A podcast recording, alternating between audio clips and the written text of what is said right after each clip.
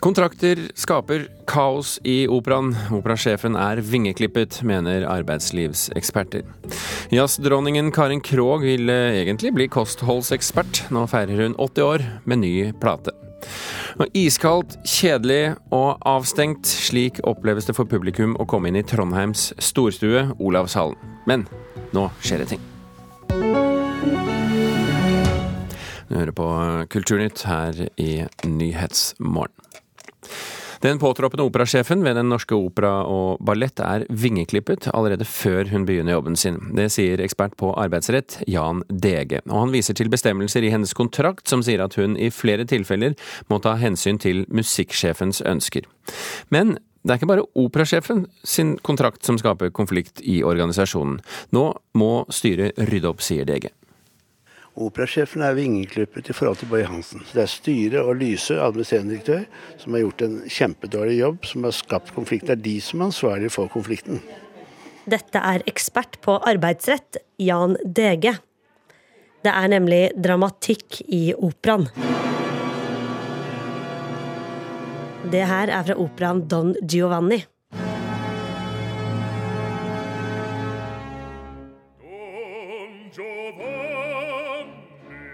Don Giovanni er noe av det første påtroppende operasjef Annelise Miskimmen har valgt å sette opp på Operaen i Oslo, og hennes start som operasjef er nesten like dramatisk.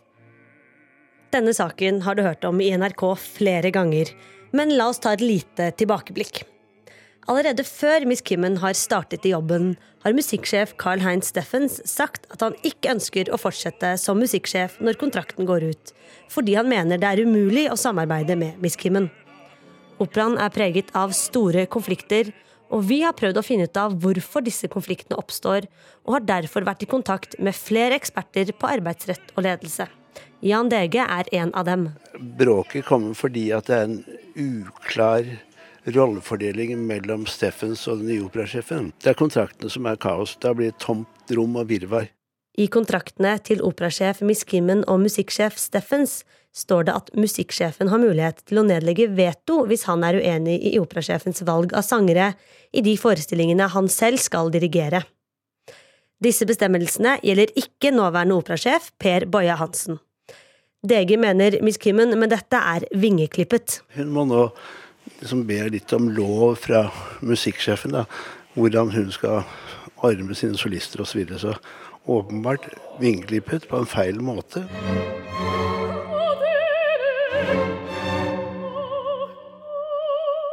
Operaens administrerende direktør Nils Are Karstad Lysø og styreleder Anne Karine Tanum hadde ikke mulighet til å kommentere denne saken. Men Lysø har sagt følgende i et intervju med NRK tidligere.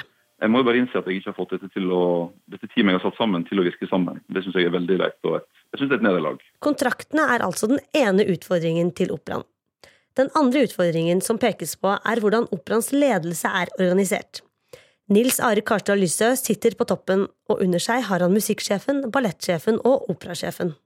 Donatella de Paoli, førsteamanuensis ved BI, mener dette er en modell som lett kan skape konflikter. Det er jo blitt en omdiskutert modell og faktisk en konfliktfylt modell. Den er veldig sårbar fordi at uh, i, alle, altså, i alle kunnskapsorganisasjoner så er det vanlig å ha på toppen ledere som har faglig legitimitet og respekt. Så det er jo problematisk når du har da en toppsjef som kanskje ikke har legitimitet faglig, og, som, og også så er det rett og slett snakk om makt. La oss igjen høre hva Lyse har sagt i et tidligere intervju. En operahus med flere sidestilte kunstformer og likestilte kunstneriske ledere er jo en veldig krevende og komplisert uh, form. Og, og, det gjør at det stiller ekstra store krav til at man finner ut av det på det personlige plan mellom hverandre eh, når man er sidestilte kunstneriske ledere. I en e-post til NRK skriver Anne Karine Tanum at styret tar situasjonen med musikksjefen og operasjefen alvorlig, men at paradokset er at huset leverer utmerkede forestillinger og at det går så det suser. Jan DG er helt klar i sin tale. Tror du dette kan løses? Ja, Hvis Tanum utøver lederskap og har tid til det, så kan det løses.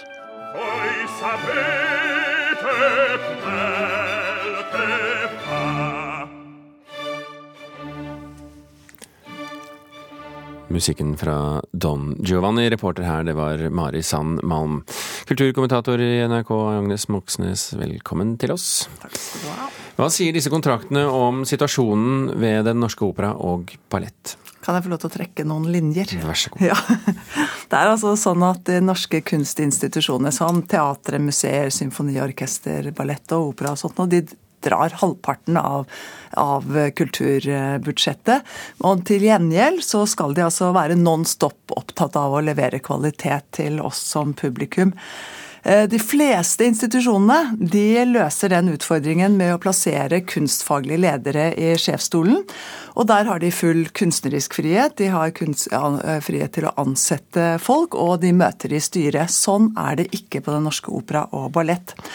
Og ettersom det har vært ganske mye uro ved operaen de siste årene, så har nettopp organisasjonsmodellen fått ganske mye pepper, som vi hørte i denne reportasjen her også.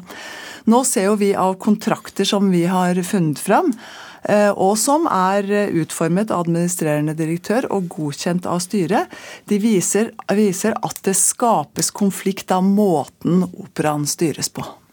Men, men DG sier jo her i reportasjen at den påtroppende operasjefens makt og kunstneriske myndighet er vingeklippet. Det er, det er for så vidt ganske sterke ord. Er du enig i det? Ja, jeg er helt enig i det. fordi at de kontraktene som den nye operasjefen har undertegnet, de etterlater veldig stor usikkerhet med hensyn til hvem som egentlig er operasjef. Og det er jo som om treneren for det norske fotballandslaget skulle ha en sjef ved siden av seg som hadde makt og myndighet til å si nei, den spilleren kan du ha på banen, og den kan du ikke ha på, på banen. Men så må det jo sies da at den nye operasjefen Annie Lese Miss Kimmen, som jo begynner i jobben sin for fullt nå i sommer, hun har skrevet under på denne kontrakten. Det er en pussighet i seg selv. Hvis det da ikke er sånn at det var en forutsetning for at hun i det hele tatt skulle få eh, denne operasjefjobben i Norge. Men, men, hva sier disse kontraktene da, generelt om maktforholdene ved operaen? Ja, Kontrakten til operasjefen sier egentlig at makt er blitt overført fra den kunstneriske ledelsen ved operaen til administrerende direktør og til styret. Og, dette, og, de, og den uh, makten viser seg nettopp i sånne konfliktsituasjoner her, hvor da ledelsen må gå inn og ta stilling, og i dette tilfellet har de tatt stilling uh, for uh, operasjefen, og på bekostning da av musikksjefen. Operaen og balletten får ny administrerende direktør nå i sommer. Han heter Geir Bergkaste. Hva blir hans utfordringer? Ja, Han skal vel både stille vannet og nesten gå på det. Han må definitivt skape ro i rekkene. Han må skape tillit mellom ledere og ansatte. Han må ta konfliktene internt og ikke stille ut skittentøyet i mediene, som vi har sett en del tilfeller av det, det siste året. Og så må han, syns jeg, sammen med styret se på egentlig hele organisasjonen. Bør den endres? Ja, altså Det har ikke jeg kompetanse til å mene noe om. Styreleder Anne Karine Tanemann har sagt at hun ikke vil endre selve grunnstrukturen. Men jeg kan Men ikke... se på den, det bør hun? Ja, Nettopp nå bør jo være øyeblikket. Tida er gått siden det åpnet. Det er uro. Mye kan endres. Agnes Moxnes, takk skal du ha.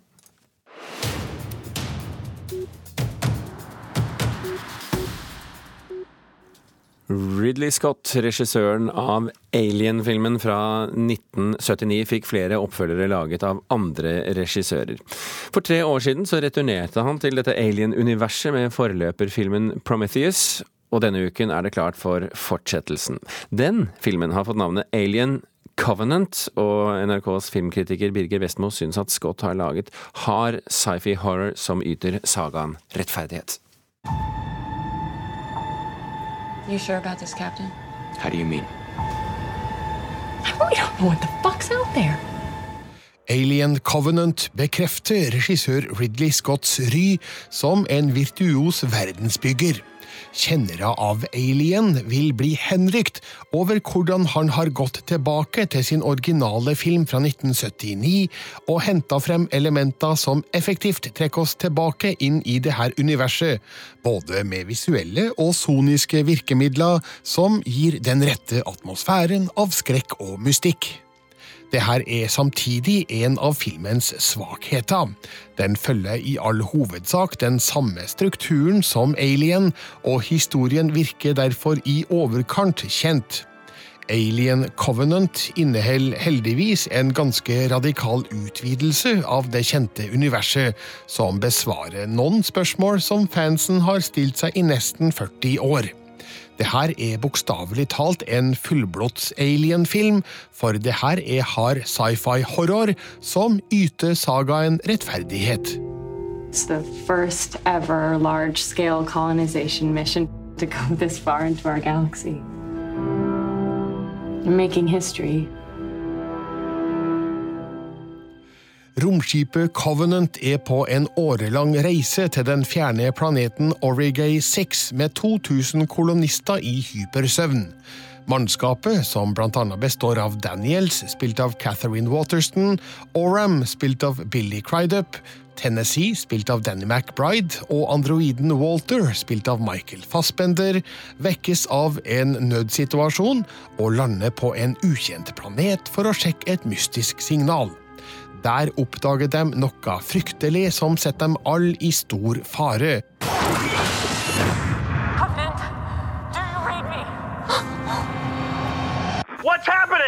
Alien Covenant følger altså malen fra den første filmen, uten å avsløre noe av det her for å ikke spolere handlinga.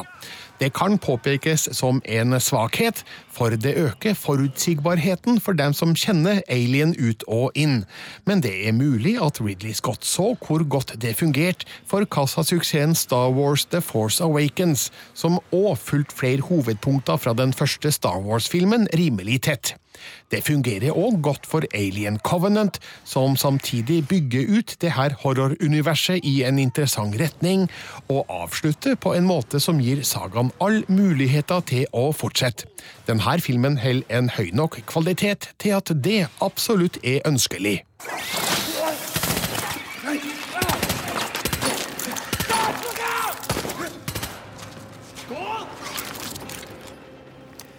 Alien Covenant ble anmeldt av Birger Vestmo. Denne filmen har altså premiere nå på fredag, den 19. mai.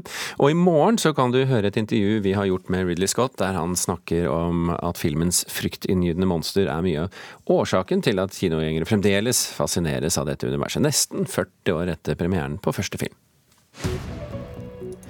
Klokken er passert 15 eh, minutter over åtte. Du hører på Kulturnytt, og dette er toppsakene i Nyhetsmorgen nå.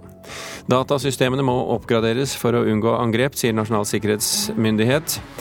En eh, domstol godkjente avhørene i en alvorlig barnevoldssak i Hordaland, men uten å ha sett på ett eneste av eh, avhørene. Og Norsk Elbilforening og miljøstiftelsen Zero er kritisk til at regjeringen ikke har differensiert engangsavgiften for hybridbiler etter hvor mye den forurenser. Ikke vet jeg om Karin Krogh har spilt i konserthuset Olavshallen i Trondheim, men eh, det har nå engang vært eh, omkranset av butikker og folkeliv da det åpnet på slutten av 80-tallet. Men i dag så møter publikum gitter og tomme lokaler på vei til konsert. Nå vil eh, konserthusledelsen ta grep for å lokke folk inn i det ugjestmilde huset. Det er ikke innbydende slik det er i dag, så det må vi gjøre noe med. Velkommen står det jo da, over døra. Ja, velkommen står det over døra, men vi har også et gitter som går ned klokka tolv, og da er det ikke så veldig, veldig velkomment. Direktør i Olavshallen Bjørgvin Torsteinsson er lei gitter og tomme butikklokaler, og får støtte fra folk som stikker innom. Iskald? Ja, men den er det. Jeg syns ikke det er sånn varme. Det er ganske kjedelig. det er jo ikke så mye snø her nå lenger. Hva syns du om mottagelsen du får når du kommer til dette konserthuset? Eh, akkurat nå så er det jo veldig avstengt her, så man føler meg ikke så, ikke så, veldig velkommen akkurat. Men vi håper jo at det blir mer liv etter hvert nå, da. Og det skal det bli, for snart flytter musikkfestivalen Trondheim Calling inn med sine folk. En vinylbutikk og Cinemateket etablerer en liten kino her. Og i den store foajeen ser direktør Bjørgvin Torstensson for seg et nytt bytorg med en stor, åpen scene. Og den scenen, den, eh, den skal være lavterskel Eh, for å bruke. Og det området som vi rydder eh, plass til, det er på ca. 650 kvadratmeter. og vil bli det nye, byens nye kulturtorg. Og så er vi veldig spent på hvordan eh, vi kan ta i bruk eh, området. Både i forhold til Martna, i forhold til messer, i forhold til utstillinger, konserter, programslipp. I alle fall ønsker vi at den, den, scenen skal brukes veldig mye, hele tiden. For målet er et levende konserthus, akkurat som i Kilden i Kristiansand, hvor de har skapt et teater og konserthus med tilbud for alle. Når vi har et hus som både har et symfoniorkester, et teater, en opera og en kulturscene, så eh, har vi jo muligheten til å, gjøre noen spesielle grep. Og et av de grepene som ble gjort, det var å opprette Kilden dialog. Eh, Kilden dialog er et utvidet samfunnsansvar, eh, hvor vi ønsker å trekke flere mennesker med i det å eh, lage kunst, men det er også å oppleve kunst. Marie Theresie Sørensen er formidlingsleder ved Kilden, og sier de har lykkes med å senke terskelen så alle får oppleve kunst. I Bodø snakker de om tida før og etter stormen. Det nye konserthuset og biblioteket har skapt en helt ny dynamikk i sentrum, og betyr enormt mye, sier direktør Rolf Cato Råde. Ja, altså Stormen har blitt nå eh, et begrep. Altså det, man prater i Bodø om stormen, altså både biblioteket og konserthuset, som om det har bestandig har vært der. Det har blitt en sånn uh, naturlig del av, av uh, praten og identiteten til Bodø. Og vi har jo hver eneste fredag så åpner vi opp den store, flotte foajeen vi har i andre etasje med gratiskonsert i samarbeid med Nordnorsk Opera og Symfoniorkester. Også i Trondheim utreder de nå om nytt konserthus skal bygges, men Olavshallen er byens storstue i dag. Her er symfoniorkesteret, elevene i kulturskolen og musikkstudentene ved NTNU. Nå vil direktør Bjørgvin Torstensson vise dem mer frem. Det kan være uh, kammermusikk, det kan være jazzmusikk, det kan være alt mulig. Bare at vi får frem talentene, og talentene får en scene og publikum så er alt samlet her. Planen er at vi åpner den scenen allerede i januar 2018. Ja, Det sa Bjørgvin Torsteinsson, direktør i Olavshallen i Trondheim. Reporter her, det var Grete Tobro. Kulturnytt runder nå av. Vi har fortalt i dag at kontrakter skaper kaos i operaen. Operasjefen er vingeklippet, sa arbeidslivsekspert Jan Dege. Og så hørte du at jazzdronningen Karin Krogh egentlig ville bli kostholdsekspert. Hør mer om henne i Spillerom på P2 mellom 11 og 12. Thomas Alvarstein Ove og Birger Kolsrud Aasund takker for følget.